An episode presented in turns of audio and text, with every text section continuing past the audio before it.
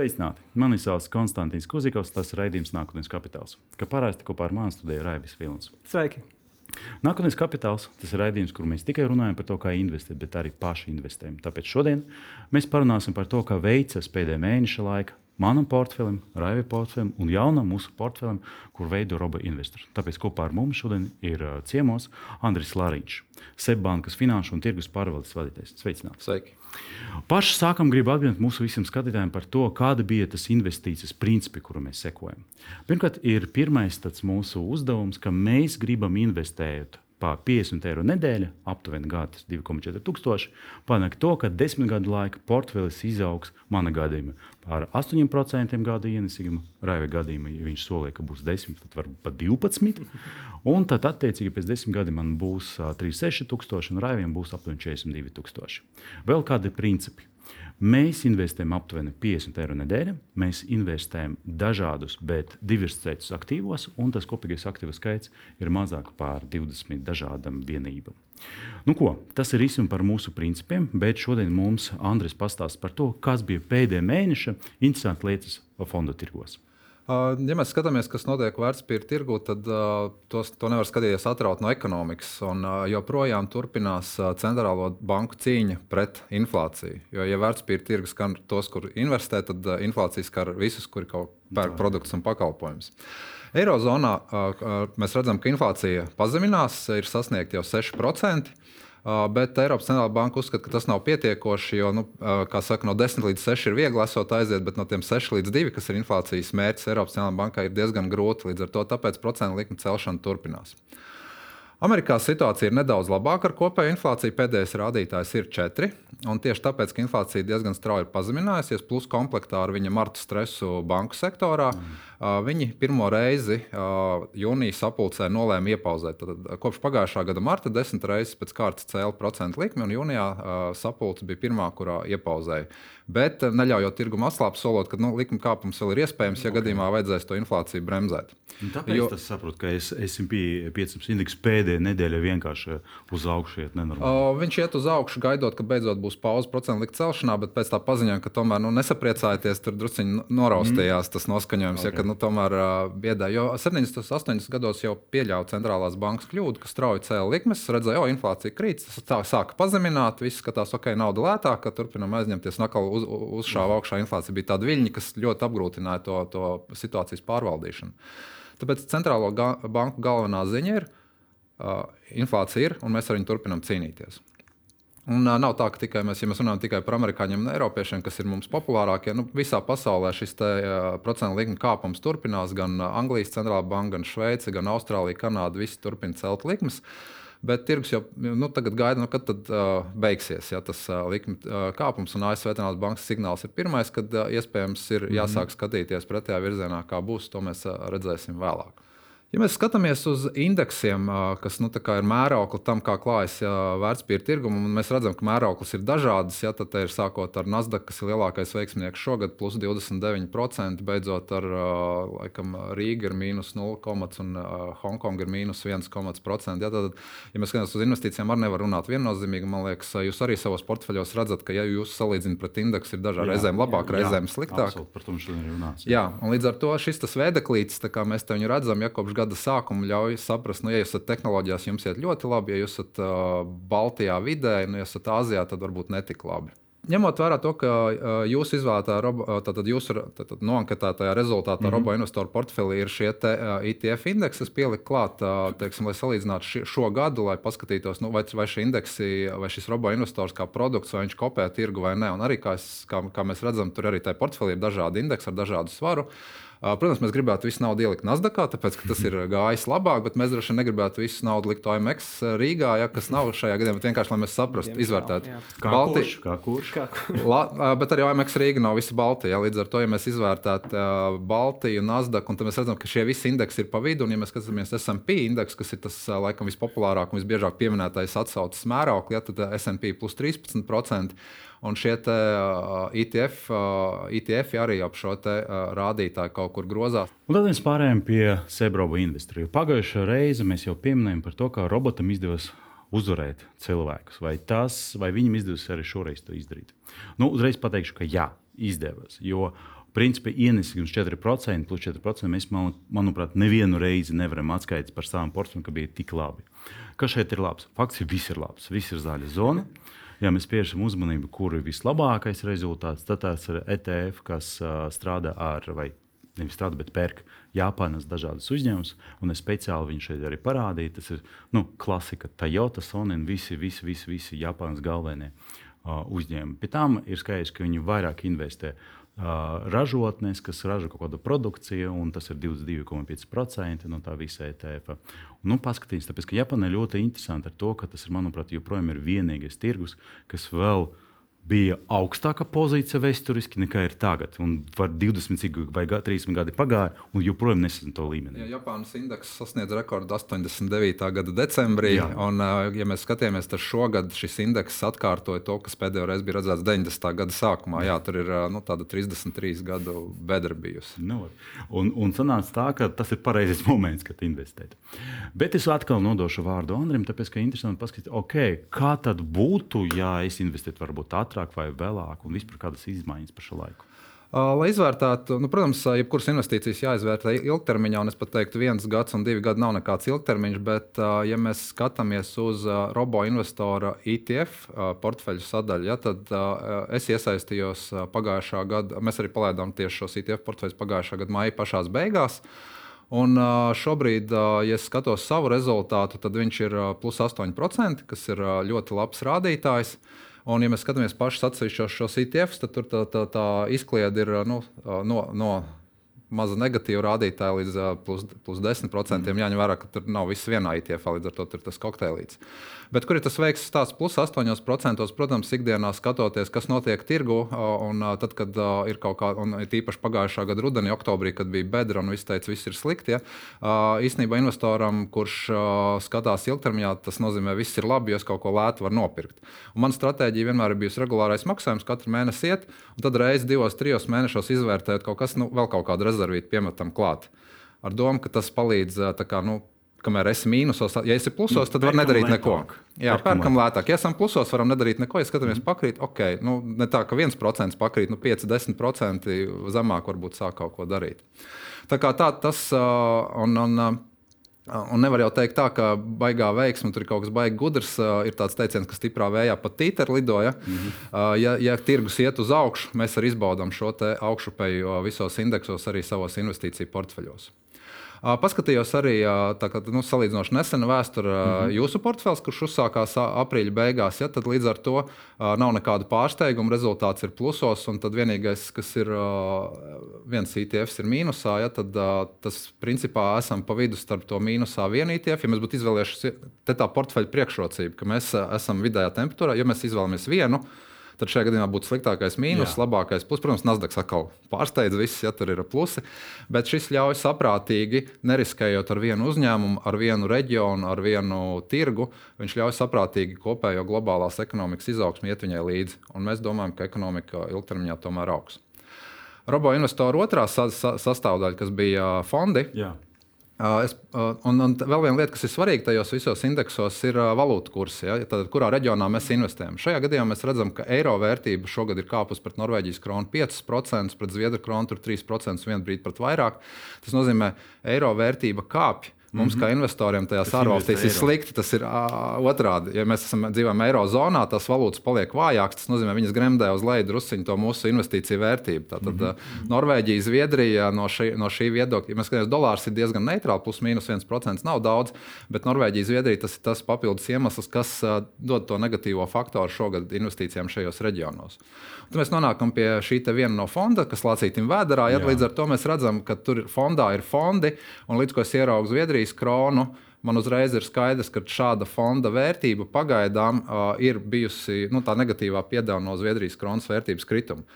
No otras puses, ar tik lētu Zviedrijas kronu droši vien ļoti labs sākuma punkts investēt ilgtermiņā. Ja? Jā. ja mēs skatāmies uz Zviedrijas kronas vērtību, vienu brīdi medīja to līmeni, kas bija lielajā finanšu tirgus krīzē, ja, kad uh, kronas vērtības strauji krita dēļ Zviedrijas ekonomikas problēmu un Zviedrijas ekonomikas ekspozīcijas Baltijā. Ja, tad tur bija vēl papildus faktori.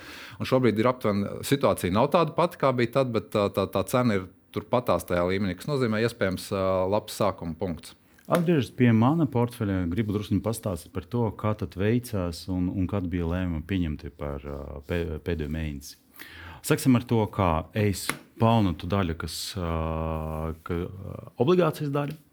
Un, un akcijas principā stāv uz gandrīz tāda paša līmeņa, kas bija pirms tam. Cik reizes jau pircis obligācijas? Uh, Gudīgi sakot, es izdarīju sekojušu lietu, ka tad, kad es pārdevu abus divus ETF-us, es to naudu atstāju, bet katru nedēļu piepirku klāt mm. uh, obligāts. Tāpēc, principā, man sanāk, ka jau būs septiņas reizes, un par to, manuprāt, pat ir šeit ir norādīts. Jā ka pat sāku, kad bija 3,65, tagad ir 3,95, un tad sagaidu, varbūt būs arī 4%. Un būs, tikai... Visticamāk, būs, jo tā, ieraksts notiek dienā, kad Eiropas centrālā banka lemj par ECB, par eiro bāzes procentu likmēm, un uh, tirgus sagaida 25 bāzes punktus klāt, kas nozīmē pavilks uz augšu visticamāk visu termiņu šīs te procentu likmes. Bet vai ir kaut kāds risks man, kā investoram, krājuma obligācijas, jo mēs rakstījām par to, ka Pagājušajā gadā ap pie, pirmiem pieciem mēnešiem bija 100 tūkstoši. Tur bija ļoti smieklīga summa. Un tagad bija... 83 miljoni.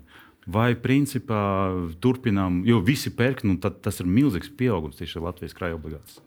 Nu, tas varētu būt eh, izklausīties, man liekas, ja nekļūdos, rādītāji bija 100 miljoni pāri ir investēti krājuma obligācijās, mhm. konta atlikums ir 10 miljardi. Tas ah. tāds piliens jūrā ir, okay. kas ir, nu, tas nozīmē, mēs aizdodam savai valstī un saņemam procentus no savas valsts. Nevis valstī, pieņemsim, alternatīvi remit, emitēt eiro obligācijas un maksāt procentus ārvalstu investoriem. Ja? Kas, protams, arī paralēli notiek, citi termiņi, citi nosacījumi. Bet, Es uzskatu, ka šis ir labs veids aizdot savai valstī un piedalīties arī nu, to, tā, tie, no, tā, tā, tas, ko mēs maksājam nodokļos, mēs pēc tam atgūstam. Jo nu, no, nav jau tāda valsts nauda, ir nodokļu maksātāja nauda. Ja? Līdz ar to mēs atgūstam daļu atpakaļ. Un uh, procentu likuma līmenis ir atbilstoši situācijai finanšu tirgos. Tad, kad finanšu tirgos šīs likmes iet uz augšu, arī uh, ir uh, potenciāli iespēja, ka šīs likmes tuvākajā laikā vēl ir drusciņi pakāpties. Pagājušajā raidījumā, gandrīz pirms dažiem mēnešiem, gada sākumā, es pateicu par, ar, par to, ka ar šādu stratēģiju nav iespējams dabūt 8% gada. Kā tagad jau pārējiem drīz, drīz jau būs 4% vai sasniegsim 8%. Vai tas es nav nedomāju, tas uh, nē, 8% tad jāstāsta riskantāk. Tipa, oblig ir obligācijas ar 7, 8 un vairāk procentu ienesīgumu, bet tur arī Jā, riski bet... ir attiecīgi. Kā mēs sakām, risks un, un atdevi iet roku rokā. Līdz ar to uh, Eiropa es domāju, matemātiski 8% nevar uh, izturēt kā bāzes izmaksu mm -hmm. naudai. Ja? Tāpēc Mēs saprotam, ka likmēs būs. Jā. jā, tas ir gan kredīta likmēs, tas nozīmē valdībām parādi, jāfar, jāpārfinansē uzņēmumiem, jāpārfinansē parādi. Mm. Vienkārši jau šī brīža procentu likmes uh, liek satraukties, un tāpēc arī, piemēram, ASV iepauzē. Ja? Viņi redz, ka kāpjošas likmes kom, kom, komplektā ar citiem notikumiem bremzēs uh, gan kreditēšanu, gan uh, inflāciju, gan izaugsmu drusciņu. Nu, skaidrs.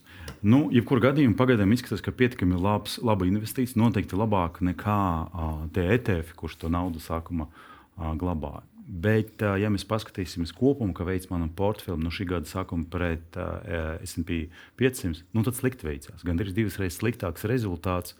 Īpaši pēdējos, uh, pēdējās nedēļas, jo tik un tā it kā 7% izaugsme no gada sākuma ir laba, bet uh, SP 500 uh, augsts straujāk. Uh, Incidenta lieta, un par mācībām, kā es saku, jāmaksā. Uh, es biju ļoti negatīvi orientēts un domāju ļoti negatīvi par Batu uh, ETF un par Vusa ETF. Uh, un tad pārdeva, lai tu naudu investētu krājuma obligācijās, un ko es redzu tagad, kā mazāk nekā mēneša laika tā cena izauga. Un, ja es to darītu tagad, tad attiecīgi man būtu jau peļņa, nevis zaudējumi. Tas atkal nozīmē, ka Mēs te šeit runājam par desmit gadiem, un mēs paši esam cilvēki, nevis roboti, kas pieņem emocionālus lēmumus un pārdod par agru. Iespējams, ka man vispār nevajadzētu pārdot. Nu, labi, ko darīt? Ejam tālāk. Uh, divas problēmas man starp visiem maniem akcijiem. Tas ir Disneja un mazāk. Jo mēs paskatīsimies, lielākā daļa ir zaļa zona, kaut ko ģenerē. Dažas akcijas, nu, gandrīz uz robežas, un tad ir divi antivaroņi ar uh, 60, 50 uh, eiro zaudējumu. Un tas ir tas pats jautājums, kas man bija uzdots pirms uh, mēneša. Uh, Sebankas pārstāvjiem, un arī es šoreiz arī paprasīju Andriu dot savu viedokli par to, ko man da, darīt ar Disneju un mozaiku. Droši vien es pirms jādod saistību atrunu, ja, ka es jau neko nevaru ieteikt. Es Jā. varu caur savu personīgo prizmu un pieredzi, jo un, un, mēs, mēs jau parasti vērtējam tādu jūsu portfelī ir plusi, ir mīnusi. Tie mīnusi ir tie sliktie, tie plusi tie labie. Protams. Tirgu ir kaut kam vēl lielāka mīnus, tad tie mīnusi ir varbūt labāki nekā citi mīnusi. Jā, tā ir. Un, un, un man vienmēr dažādos formos par investīcijām liekas, tā, ka jautā, nu, kuri no jūsu lēmumiem, skatoties atpakaļ, bija kļūdaini. Ja jūs šodien pieņemat lēmumu, jūs viņu pieņemat ne jau ar domu, ka viņš būs kļūdains. Jā. Vēsturē skatoties, var jebkuru lēmumu, kas ne tā kā vajadzēja, sanāca ir kļūdains. Ja? Tas arī nav tāds, nu, visi lēmumi pamatoti tajā brīdī, balstoties uz to informāciju, kas ir. Disney's, nu, paņemot vienkārši publiski pieejamo informāciju, mm -hmm. ko jebkurš var Yahoo Finance atrast analītiķi, kas, kas man varbūt uh, radītu satraukumu, ka parādās uh, tajā rekomendāciju stabiņā parādās sarkanais. Ja? Kāds, kāds no analītiķiem saka, sel. Ja? Bet, ja mēs paskatāmies, kur ir šobrīd cena un kur vidējā cena, ko analītiķi sagaida, nu, ir vēl telpa, kur augt. Un tad uh, vēl viena lieta, ko parasti skatās, uh, Līdz ar to nu, ja vēl, vēl, vēl daudz dažādas lietas var vērtēt. Ja mēs skatāmies arī to, ko analītiķi maina uh, reitings, ja tur ir divi downgrade, trīs uh, uztur to pašu reitingu, tas viss ietekmē psiholoģiski. Ja, ja tur kāds Jā. kaut ko pazemina, un es vēlreiz atgādināšu, ka nevienā augstskolā nedod certificētu gaišu diplomu. Ja, līdz ar to uh, katrs uh, balstās uz to informāciju, ko viņi redz. Nu, kā, skatoties šādu bildīti, man biedē druskuļi parādās sell, jeb pārdošanas ieteikumi. Komfortabli jūtos, jo cena ir krietni zem tur zemākās un vidējās prognozes, kas nozīmē, un tad ir vasara, atvaļinājuma laiks. Visticamāk, gan Disneja parkos būs cilvēki. Cerams, ka ar vīrusiem nekas nu, neizspēlēs. Filmas iznāks arī uh, filmas, jā, un tam līdzīgi. Līdz ar to kaut kāds nu, skats ir, un Bobs Aigars ir atpakaļ. Te gan jāsaka, tā, nu, vai divreiz vienā upē izdosies iekāpt, uh, var ieteikt izlasīt viņa grāmatu. Viņš, kad uh, beidz strādāt uh, Disneyā, sarakstīja grāmatu, un tad aizgāja visi pensijā, un tad viņi pēc pāris gadiem izsauca atpakaļ. Jautājums, vai viņš varēs otrais tādu veiksmu stāstu. Tas arī ir labs jautājums. Šī līnija, jā, nu, vudu zinātnē, šī nav tehniska analīze. Vienkārši mēs redzam, ka ir bijusi tas pandēmijas apakš, pirms tam ar tur ir pieskāries. Tad mēs redzam, mēs arī esam padzīvojuši kaut kādas līnijas tomā. Un, protams, ka nevar viņas uztvert tā simtprocentīgi ticami, kaut kādas atbalstus, pretestības. Bet tas ir tas, ko cilvēki tirgu izmanto. Jā. Un jo vairāk cilvēku to izmanto, jo lielāk, lielāk varbūt ir, ka kaut kas tur nostrādā. Līdz ar to šajā nu, tirgus noskaņojumā es redzu, ok, tur jāskatās konteksts arī ar to, kā iet uzņēmumu, kādu viņam plānu un tā tālāk teikt, kaut kāda apakša tur ir. Un risks ir mukt projām šeit, kā liekas, nu, kā neloģiski. Vajag patestēt, ja nu atkopjās. Ja? Un tad jautājums, ja pārlauž to līniju, tad jau ir parasti tā aizgājis, ka nu, vajadzēja ātrāk pārdot, jo, jo tie zaudējumi par lielu. Uh, un arī jāskatās. Uh, Kas ir investori jautājums, piemēram, šajā tabulā? Kāpēc pievērst uzmanību? Kas, kā, kurš investē? Nē, nevis uh, tas ir psiholoģiskais faktors. Uh, Vanguard Group ir iegādājušies, čer, ir investējuši 14 miljonus, tā value miljonos, 14 miljardus ir investējuši. Sanāk, ja. mm -hmm. Un, uh, ir gan pircēji, gan pārdevēji. Uh, BlackRock ir pārdevis, Vanguards ir pircis. Uh, nu, tad ir jautājums, kas ir otram fondam. Nu. Nav, nav, nav zināms, tas vienkārši biržā izlaiž vai savstarpēji darījumi. To mēs nezinām no šīs informācijas. Bet tad ir vienkārši jautājums, vai es esmu gudrāks par viņiem.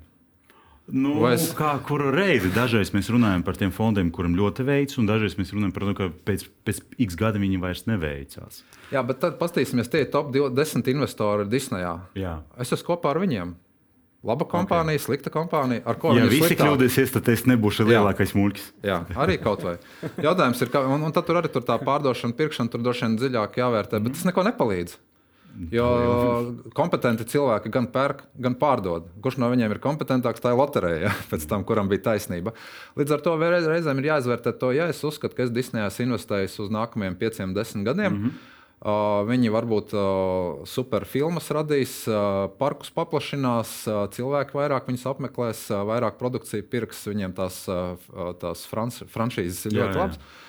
Ja mēs uzskatām, ka pasaule attīstīs, cilvēki būs vairāk un vairāk lietos produktus, agri vai vēl, tas at, at, atspoguļosies rezultātos. Nu, par Disneju es domāju, ka viss būs kārtībā ar viņu. Man vienkārši tagad, ja viņi tik lēti, vajag piepirkt. Cerams. Nepārdod tikai. Nē, to es noteikti. Es teicu, bet nevajag arī iespītēties tā, ka nu, gā, šis ir milzīgs indeksos, tam līdzīgs skaidrs, ka tur risks ir mazāks, ja nu, viņš nebankrotēs rīt parīt. Jā.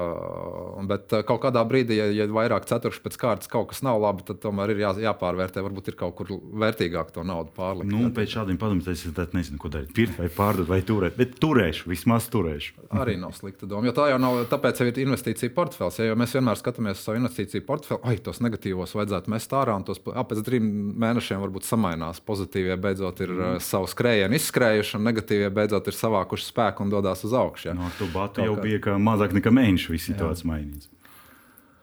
Uh, otrs uzņēmums, uh, nesu eksperts, nesu viņu analizējis virspusējas bildes, skatoties. Tur neviens analītiķis nesaka, ka vajag pārdot vismaz šajā apkopojumā. Un tur jau ir vēl svarīgi, kādas datubāzes. Ja Yahoo Finance viena datubāze, Google Finance otra datubāze, Reuteram cita, Bloombergam cita un kādam dažādi analītiķi tur fórumi. Ja, līdz ar to un arī tekošā cena pret vidējo cenu, ko analītiķi prognozē, kura, protams, ir vēsturiski kaut kāda jauna data iznāk, viņi visi samaina savas prognozes. Ja? Un, un uh, izskatās, ka šis uh, nav, nav, nav slikts turēšanai. Uh, ilgtermiņā. Jo arī skatāmies, tur arī tā, tur, tikai viens downgrades pretstatā Disneja diviem. Izskatās, ka, ja o, tirgus atkopjas un iet uz augšu, viņam kopā ar tirgu vajadzētu iet. Tas uh, paspēl, nu, mēs redzam mm. iepriekšējo krīzi, ja varam cerēt, ka atgriezīsies cena pie 150 vai cik tur dolāriem droši vien, ka nē. Nu, 70. Bet uh, ir tāda lieta kā tehniska analīze, kas uh, vēlreiz atgriežamies vudu zināt, mm. ir vai nav jautājums, cik daudz viņi izmanto. Ja mēs savērk, sa, uz, izmantojat, uh, ir Fibonacci, Liotviņi, Ichimoku, Mākoņi tā tālāk. Šeit vienkāršākais Fibonacci cipari. Ja? No tās bedres, kas bija martā 20. gadā pandēmijas laikā līdz uh, topam 22. gadā, un tad, tad viņš sazīmē tos līmenis līmenīšus. Jo to, jo to Fibonacci uz viņu var uzzīmēt jau 22. gadā, kad viņš to virsotni jau atkāpās no virsmas. Tur uzzīmēt tās līnijas nemainīsies. Viņš šodien, rīt, parīt nemainīsies. Līdz ar to tu, tur redz, ka tā, tie 50% atkāpšanās ne, bet tur pie tām līnijām kaut kādām sabiezēšanās ir. Šobrīd izskatās, ka to 60% atkāpšanos viņš ir izturējis varētu iet uz augšu. Bet, nu, protams, arī ja jautājums, cik 22. gada tas bija saistīts tieši ar Ukraiņu. Jo viss stāstīja par to, un tāds, tāpēc es nopirku, ka lauksaimnes uzņēmums būs problēmas ar uh, lauksaimnes uzņēmumu Krieviju un Ukrainu. Tāpēc paskatījos uz ASV un neko nesaprotu šai uzņēmumam, un visu laiku domāju, vai man turēt to. It kā tehniski cipari saka, ka labāk paturēt. Ne, nu šobrīd izskatās, nu, jautājums arī ir parasti, ko darīt. Man arī bijuši daži piemēri, kad šķiet nepareizs lēmums. Tajā brīdī, kad pieņēma, likās loģiski. Bet es tad arī turu, turu, turu. Un, ja ir tāds būtisks kritums, tur nezinu, 30 vai 50%, mm -hmm. nu, tad tieši tikpat naudas ieliec viņā vēl. Jā, tas uzreiz. Bet, Un tad tiešām man biedē tas, protams, kas tur pēc tās, tā, tā tendence no 11. gada līdz uh, 20. kas ir apakšā tam iemeslam, ka viņiem īstenībā cena gāja uz leju, kad, kad kaut gan tas bija pasaulē foršākais posms uh, vērtspapīra tirgu izaugsmē. Ja? Tur, tur ir kaut kāda jāapstāsta, kas apakšā tā, tā, tā, tā tendencē tajos laikos bija. Un, protams, viennozīmīgi investēt balstoties uz ziņu virsrakstiem nav laba doma. Es pats to esmu pāris reizes izdarījis, un es saprotu, ka nē. Tad, kad ir karsts kartupēlis, tad jāļauj viņam atzist, un, un tad ir jāskatās, vai viņš tur ir atdziestot iekšā ir sapūs, vai viņš ir nu, vienkārši atdzists un tad ir ņemams. Jā, tā kā tā, mēs piekrītam. Tā, tā kā mēs piekrītam. Un arī jautājums, vai mēs esam sliktāki par Vanguard grupu, BlackRock vai, vai citiem lielajiem mega milžiem, kur šajā uzņēmumā sēž, palielina pozīcijas vai samazina. Jāskatās, kurš no viņiem tur uh, samazina. Nu, tā arī ir vēsturiska informācija. Tātad mm -hmm. iepriekšējais cenu kritums ir iepriekš, tāpēc varbūt ka, piemēram, BlackRock ir samazinājis pozīciju, cik daudz viņš ir pārdevis, kāds tajā dienā ietekmēs tirgu. Tā kā es neredzu kaut kādu problēmu, ja mēs kopā ar uh, visiem sēžam vienā katlā. Bet es domāju, ka visas manas akcijas, ko es pērku, tur arī mēs ieraudzījām tādu ļoti labu. Uh, draugu loku Jā. ar visiem, ar visiem fondiem. Tieši tāpēc arī uh, ITF-os, uh, ITF indeksos es paskatījos, tie, tie kas uh, robo investorā vislielāko lomu spēlē. Ja, tur, nu, kāpēc ir tāda veiksme? Trijos no, no divos no tiem ir Amerika, divi, divi ITF ir no Amerikas, mm -hmm. kur ir Apple, Microsoft, Amazon, Nvidia, Alphabet, Tesla. Visiem ir labi. Jā, nu tad kā var indeksam būt? Vai tas slikti? nozīmē, ka arī nākotnē mēs atkal atgriežamies pie situācijas, ka tehnoloģijas uzņēma atkal bīda visu uz augšu, visu SP? Es teiktu, ka druskuļi pārāk liels hype iespējams ir par uh, mākslīgo intelektu. Jā, kur viņš ir. Bet viennozīmīgs, teikšu, mākslīgais intelekts kā programmatūra un kā pielietojums jautājums, kā izvirzīsies, bet kas to visu darbinās. Un es redzu to, to Nvidia panākumu, mm -hmm. jebkuru mikro, mi, mikroshēmu, kas nu, tiek izmantota. Tur es saskatīju jau, jau kādu laiku atpakaļ domu, ka kādam tas viss būs jādarbina. Jautājums, kuram? Un tad tev ir jāizsēž mm -hmm. tā loterija pa, starp viņiem, un tad jāgaida, jo tas viens vai divi atnesīs to lielāko peļņu nekā visi kopā. Un tāpēc, tāpēc mikro, mikroshēmu segments un, un viss, kas, aug, kas ap to grozās, ap taustāmām lietām, viņas būs vajadzīgas. Un neskatoties to, mums ir esošās tehnoloģijas, kuras ir jāuztur ik pa laikam jāatjauno, kas nozīmē ražo, taustāmām lietām, ražojamām lietām, lai atbalstītu tehnoloģijas, viņām ir jārulē jebkurā gadījumā Par visu to pievienoto vērtību mākslīgā intelektā un netaustāmo tur vēl ir jautājums, kā tas izspēlēsies. Es absolūti piekrītu, tāpēc, ka mēs, manuprāt, mēs arī rakstījām par to, ka faktiski no visas AI uh, ieviešanas un tehnoloģijas lielākie uzvarētāji būs tehnikas ražotāji. Tāpēc, pietrūka kapacitātes apstrādāt to visu. Un, ja mēs runājam par blockchain, ka bija iepriekšējais hype un AI, AI manuprāt, daudz vairāk ienāks parāsts cilvēka dzīve nekā blockchain. Varbūt vēl vispār ir jāspēr solis atpakaļ, ko mums pirms nu, jau iepriekšējā vēl sezonā Pauls Mikuševičs teica par ražotājiem, kapars un uh, citi metāli, kuri ir vajadzīgi, lai ražotu šīs tehnoloģijas, uh, mikročipus, ko jūs, Andri, minējāt. Varbūt Vēl uz to pat jāskatās. Balstoties bet... uz to, es uh, arī iegūlēju uh, commodities uh, un uh, rare metals related, uh, uztaisīju ETF sarakstu, watchlistu. Kā, bet mm. uh, problēma jau ir tā, ka. Nu, eksperti jau par to ir padomājuši jā, divus, trīs gadus iepriekš, un cenas jau vairs nav tur, kur tu domātu, ka būtu attraktīvi paņemt. Mm -hmm. Bet ar vienu aci jāvēro arī šis, šī sadaļa. Izēvielas, kuras būs nepieciešamas ražotāji. Man liekas, vislabākā kombinācija, ja tev ir gan software, gan hardware. Tu mm -hmm. ražo kaut ko, un virsū tev ir arī pakalpojums. Ja? Līdz ar to Tieši tāpēc savā laikā iespējams daži programmatūras ražotāji sāka ražot uh, gan dators, gan, gan brilles un vispār. Savukārt daži brīļi un šitie domā, kā to programmatūru attīstīt. Un atgriežoties pie mana portfeļa, gribu pateikt par to, ka situācija būtiski mainīsies. Ja vēl māja piecas industrijas parādīja pozitīvu rezultātu, Tagad tikai divas industrijas parāda pozitīvu rezultātu, kuram viena ir tehnoloģijas, par kuru mēs tikko runājam. Un, attiecīgi, otra tas ir mediji. Tas ļoti interesanti, ka viņi joprojām ir lielāks mīnus, bet drusku labāk. Jo New York Times labi parādīja par pēdējo mēnesi, gan arī Disneja. Tāpēc, ka viņi vienkārši nokrita tik zemāk. Agrāk māja, tad viņi drusku kāpa uz augšu. Um, ja mēs runājam par to, kā, kādu vēl labumu no mana portfeļa, tas, protams, ir dividends, un tas dividendu apjoms druskuļi izauga, un tagad ir 1,57% gada. Tik daudz es, es, es varu saņemt dividendus, un aptuveni 60 uh, eiro no maniem 4,5 investīcijiem. Tā kā es domāju, ka šis cipars arī lēni ies uz augšu, bet tas tā patīkami, patīkami lieta. Bet kā veicas, kā, ko es vēl darīšu nākotnē? Uh, plāns bija pirms mēneša, ka es palielināšu obligāciju īpatsvaru. Manuprāt, es pie tā arī strādāju. Tagad uh, gandrīz jau 500 eiro ir ieguldīti krājuma obligācijas, un domāju par vēl kaut kādu obligāciju, bet nu, vietējā tirgu 17 akcijas ar vienu īpatsvaru šeit es arī strādāju pie tā, lai nebūtu tā, ka viena akcija ir lielāka par otru. Nu, un interesanti lieta, ka es domāju par veselības segmentu un pēc iepriekšējā raidījuma arī par Nasdaqu kā tādu, jo principā. Nu, Tu noteikti, ka ties, tas ies uz augšu. Varbūt ne tik strauji, bet paskatīs arī tā, tā, tā cena iet uz augšu. Mozaika uh, un Bata tas bija man līdzi, un tagad arī Disneja, ko ar viņiem darīt. Nu, pagaidām domāju, ka paturēšu vēl un pārnāsim pēc pāris mēnešu, ka gāja. Nu, tas bija mans plāns, un pie tā arī strādāšu.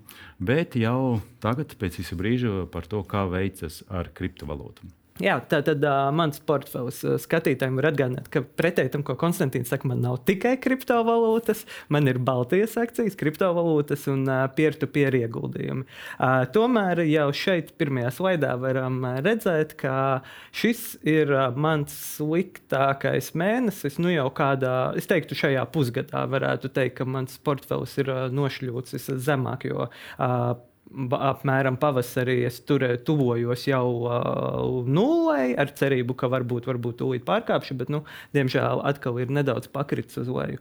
Šeit ir uh, manas Baltijas akcijas. Uh, iepriekš uh, man bija viens brīdis, ka man bija tikai viena sarkana. Uh, šobrīd Jā, mēs jo, jau tādā veidā stāstām par to, ka visu laiku tas, tas Baltijas akcijas bija zaļa zona un tev bija labi. Jā, nu, diemžēl izskatās, ka tie tirgi ir kaut kā pašļūkuši līdzi visam pārējam tam sajūtai. Teiksim tā, Andri, man jums varbūt ir jautājums, cik lielā mērā tas Baltijas tirgus Mana sajūta pati vērojot, ir tāda, ka, ja ilgu laiku pasaulē nekas labs nenotiek, tad lēnām pie mums drusku, drusku pa pusprocentu sāk pašļukt uz leju. Ka tie nav pat mūsu kaut kādi iekšējie apstākļi, Baltijas apstākļi, bet vienkārši tas, ka pietrūkst pozitivitātes. Ne, nu, Vērtspapīros jau ir tā svarīgi, kas notiek uzņēmumā, svarīgi, kas notiek segmentā, svarīgi, kas notiek valstī, svarīgi, kas notiek pasaulē. Ja? Līdz ar to viss savstarpēji ietekmē. Līdz ar to būtu dziļāk jāstāsta katrā uzņēmumā atsevišķi, kas Protams, kāds ir jā. fonds. Ja es redzu, redzu nu, to, to sarakstu, kā, nu, tad tur jau viņi jau nav atrauti no ekonomikas. Līdz ar to šobrīd par ko runā par uh, finanšu sektoru un kāpjošiem procentu likmēm, kas sākumā ir labi, un pēc tam varbūt vēlāk arī vairs nav tik labi, tad uh, varbūt kāds piesardzīgi rīkojies. Uh, energoresursu cenām ir kritums, bet uh, šobrīd tur ir plusā. Es skatos jā, uzņēmums. Jā, jā, Patīk, jā. Un, uh, jā, ceļošana, tehnoloģijas. Jā, nu, ir tāds, nu, man lielākais ir Šauļu banka un Madara. Madara man ilgstoši nes mīnus. Viņi, viņi uzlabojas, jā, bet nu, kopumā tas ir, tas ir loģiski, ka, ka Madara šajos apstākļos varbūt arī cieši. Nu, enerģētikas sektors. Te, protams, gan ir jāsaka, ka tas ir arī kuros brīžos es pērku, tāpēc, ka uh, man ir arī, nu, tā kā manu portfeli veido šīs trīs sadaļas, tad nav tā, ka es katru nedēļu mm -hmm. ieguldu, piemēram, Baltijas akcijās vai ka es izdalu izdalīt. Un tad iespējams, ka es arī iepērku varbūt kaut kādos ne pašos veiksmīgākos brīžos, bet nu, atkal mēs jau skatāmies desmit gadu griezumā. Parasti, ja vērtē investīcijas, piemēram, tabulas, man nepatīk skatīties, man patīk skatīties grafiku veidā, kurā brīdī, ko es darīju, kāds ir konteksts un kas notika pirms tam, uh, ir īpaši senākā vēsturē, jo tad uh, mēs redzam, vai nu, tur iet kopā ar tirgu vai ir kaut kādi unikāli faktori. Jā, nu, tieši tā, nu, lūk, nu, cerams, ka ies uz priekšu. Pagaidām izskatās, ka nu, ir salīdzinoši stabili un ja nekas briesmīgs nenotiks, es domāju, ka nākamajā jau būs labāk. Uh, savukārt par uh, kriptovalūtām šeit ir uh, bitkoina cenas grafiks pa trīs mēnešiem, ko es parādu, kas arī ir mans lielākais kriptovalūts, ir mans lielākais uz leju vilcējs portfelī. Un šeit mēs varam redzēt, ka patiesībā tās izmaiņas pa trīs mēnešiem nav bijušas tik lielas, bet tomēr ir tie kritumi un kāpumi. Un šeit var redzēt, ka es pavasarī tuvojos tai nulles atzīmē. Mēs varam arī redzēt, ka tad kriptovalūtas tur grozījās pie 30 tūkstošiem, bet tagad jau esam atpakaļ 25, 26. Bet šeit arī Andrim ir komentārs. Jā, es saliku kopā nu, procentuālās izmaiņas šogad. Vienkārši nu, ir kriptovalūtas, tad viena, viena atsauces punkta, ko izmanto kā pseido kriptovalūtu Coinbase akcijas, kur korelācija droši vien matemātiski ir nu, ne simtprocentīga, bet diezgan liela. Un uh, pielikt klāt arī Nasdaq un SP. Ja Nasdaq izskatās veiksmes stāsts uh, pats par sevi, ja, tad kontekstā uz kriptovalūtām nemaz tik liels veiksmes stāsts viņš nav. Jā. Un, uh, droši vien svarīgi tavā portfelī, jūsu portfelī ir pēdējā laika notikumi, uh, vērtspapīra komisijas šie te, uh, apsūdzības, un, uh, un tas ļoti ietekmē arī kopumā to tirgus noskaņojumu. Jā, jā, jā, tieši tā. Skatītājiem var pastāstīt, kas nesako līdz ASV finanšu regulātori vērsušies ar uh, apsūdzībām tiesā pret uh, div, diviem lielākajiem spēlētājiem, Binance un uh, Coinbase. Un, uh, tad, uh, tagad visa kriptovalūtu pasaule gaida, kāds būs tas lēmums, kāds būs tas precedents un kas vispār ASV notiks šajā tirgu. Daudzi analītiķi, eksperti saka, ka uh, tas varētu nozīmēt, ka ja kriptovalūtas ASV tiks pielīdzināts un regulēts kā vērtspapīri, ka tas varētu būtiski ietekmēt visu šo tirgu. Un, teiksim, piemēram, Eiropā, kur mums tagad darbojas mikroregulējums, ka mēs varētu būt labvēlīgāka vide. Bet nu, jautājums ir, vai ja ASV būs ļoti grūti ar viņām operēt un izmantot, vai Eiropa viena pati spēs šo visu tirgu uzturēt. Bet, nu, To mēs redzēsim nākotnē. Vēl aizvien neplānoju neko pārdot.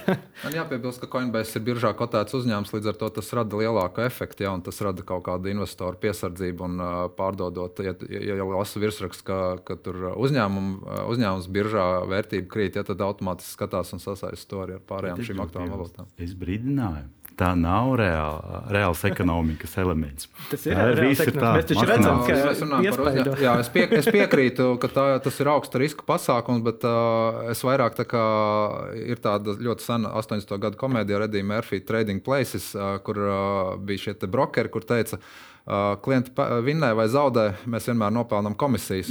Tas viens no tādiem Coinbase faktors, tā vairāk, ja, ja skatās kā investors, nu, varbūt viņš tajā vidē strādājot, pats nav pakļauts tam riskam, kā mainās cenas, bet viņš saņem komisijas no klientiem, kas tur strādā, kuri, protams, aktīvāk vai mazāk aktīvi strādā attiecīgi. Jā, jā, jā. No, vēl varu ātri piebilst, ka vēl viena lieta, kas uh, ASV uzraugiem nepatīk, ir tas, ka šīs platformas pilda vairākas funkcijas, kas tradicionāli sadalīts. Mm -hmm. Viņi ir biržas, jā. viņi ir brokeri, viņi Izdevēji. ir aizdevēji mm -hmm. un vēl kaut kādas citas. Tas ir galīgi, lai nu, nezinu, mm. kā īsti tur ceļot. Jā, jā, jā, kā, kas nosaka cenas gal galā. Tieši tā, pie mums arī uh, viesojas Binance pārstāvji un tā tālāk. Un viena no lietām, kas ir Binance, ir tas, ka īsti neviens pat līdz galam nav skaidrs, kur tas uzņēmums bāzējas un kur atrodas uzņēmuma vadītājs. Tur ir zināma loģika. Tas tīklos, internetā. un, lūk, nu tā. Bet nu tā man iet, pagaidām neko netaisos pārdot. Šeit arī var redzēt ciparus. Diemžēl ir Skaisti. spēcīgs kritums. Jā.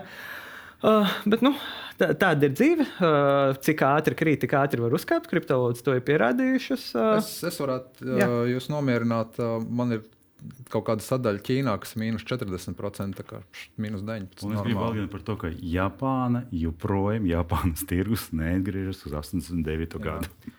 Jā, Japāņi nabagiem neveicās. Bet nu jā, šeit arī var skatītāji redzēt to sadalījumu. Pa, nav, nav nekas mainījies. Es būtiski neesmu mm. neko investējis pēdējā laikā. Vai gan varbūt, lai izlīdzinātu drusku, varbūt pat kādas nedēļas savus 50 eiro es varētu novirzīt vai nu bitkoinam vai ēterumam. Solana nē, tur šis projekts pagaidām dzīvo, bet izskatās, ka nu, lielas intereses par viņu šobrīd vismaz nav. Vismaz kamera atkal nav kaut kāds NFT NFT tirgus atgriezies. Un tad trešais, pēdējais slaids par kriptovalūtām. Šeit var redzēt, ka ir Solana 80% kritums. Tas arī ir. Ja nebūtu Solanas manā portfelī, tad būtu diezgan ok. Kā parastam akcijām. Jā, nu lūk. Es izdzēstu visus tos darījumus, kurus nevajadzēja slēgt. jā, jā, tad mēs būtu miljonāri. Tieši tā, bet, nu, jā, bet outlook kopējais būtu daudz pozitīvāk. Uh, un tad šeit ir pēdējā trešā sadaļa - peer-to-peer investīcija investīcijas, kuras uh, kapitālija Mintas Twino funkcionē labi. Šeit mēs redzam arī ienesīgums, uh, regulāri uh, maksājumi notiek. Uh, Nav pilnīgi nekādu bēdu. Es teiktu, guru vēl aizvien tie 250 eiro, kas bija Vācijas tirgu, turpat viņi ir iestrēguši. Tātad, attiecīgi, es savos aprēķinos rakstu visus šos ciparus, un potenciāli varbūt mans zaudējums ir lielāks uh, šobrīd nekā uh, to uzrādīju. Es uzrādu, bet tajā pašā laikā nu, šī nauda nav zaudēta. Es teiktu, guru arī ir uh, pienākums un garantijas rūpēties par mani kā investoru naudu. Tā kā ir vienkārši jāgaida, kas tad notiks. Vācijā recesija. Starp citu, Latvijā, man liekas, IKP ir labāk nekā Lietuvā un Igaunijā. Jā. Tas arī Baltijas jā. tirgu tāpēc ietekmē, jo Baltijas tirgu tas īpatsvars no Lietuvas mm. un, un Igaunijas ir lielāks nekā no Latvijas. Jā, tieši tā varētu būt. Bet, nu, jā, es varu pateikt, tā, ka man no privātas portfeļa e, investīcijas ir guru. Ir projekti, kas Vācijā joprojām strādā, ir projekti, kas ir uh, bankrotējuši vai kā viņi to sauc. Arī tādi projekti ir Somija, arī tādi projekti ir Latvijā. Mm. Tā, tā...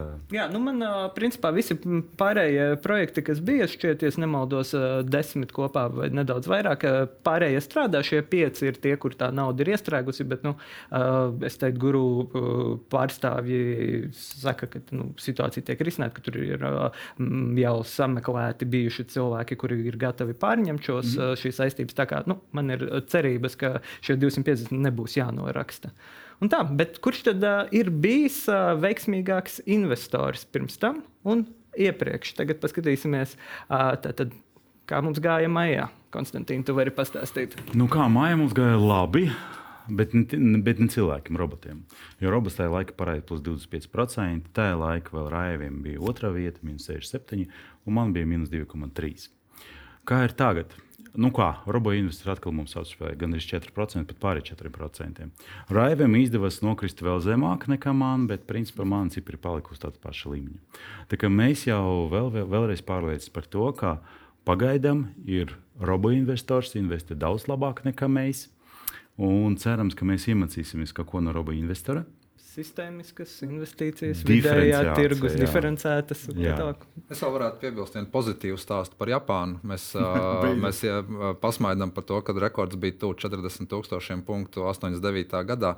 Bet es parēķināju, ja katru mēnesi vienādu naudas summu mēs tā indeksā būtu likuši šos 30 uh, pāri gadus, indeksa vērtība vidējā būtu 17,000. Tā tad iztērētā nauda un indeks šobrīd ir virs 30,000. Tas nozīmē, ka vienalga būtu peļņa. Un te mm -hmm. ir tā atslēga regulāras investīcijas vidējā temperatūrā tirgu. Uh, neriskējot ar kaut kādu nu, meklēt outlieru, kas tur varētu mēģināt atnest reizes 10, reizes 100. Tā kā mēs darām pareizi. Mēs investējam par 50 eiro katru nedēļu, investējam nelielu akciju un dažādu investīciju veidu fondu veidos.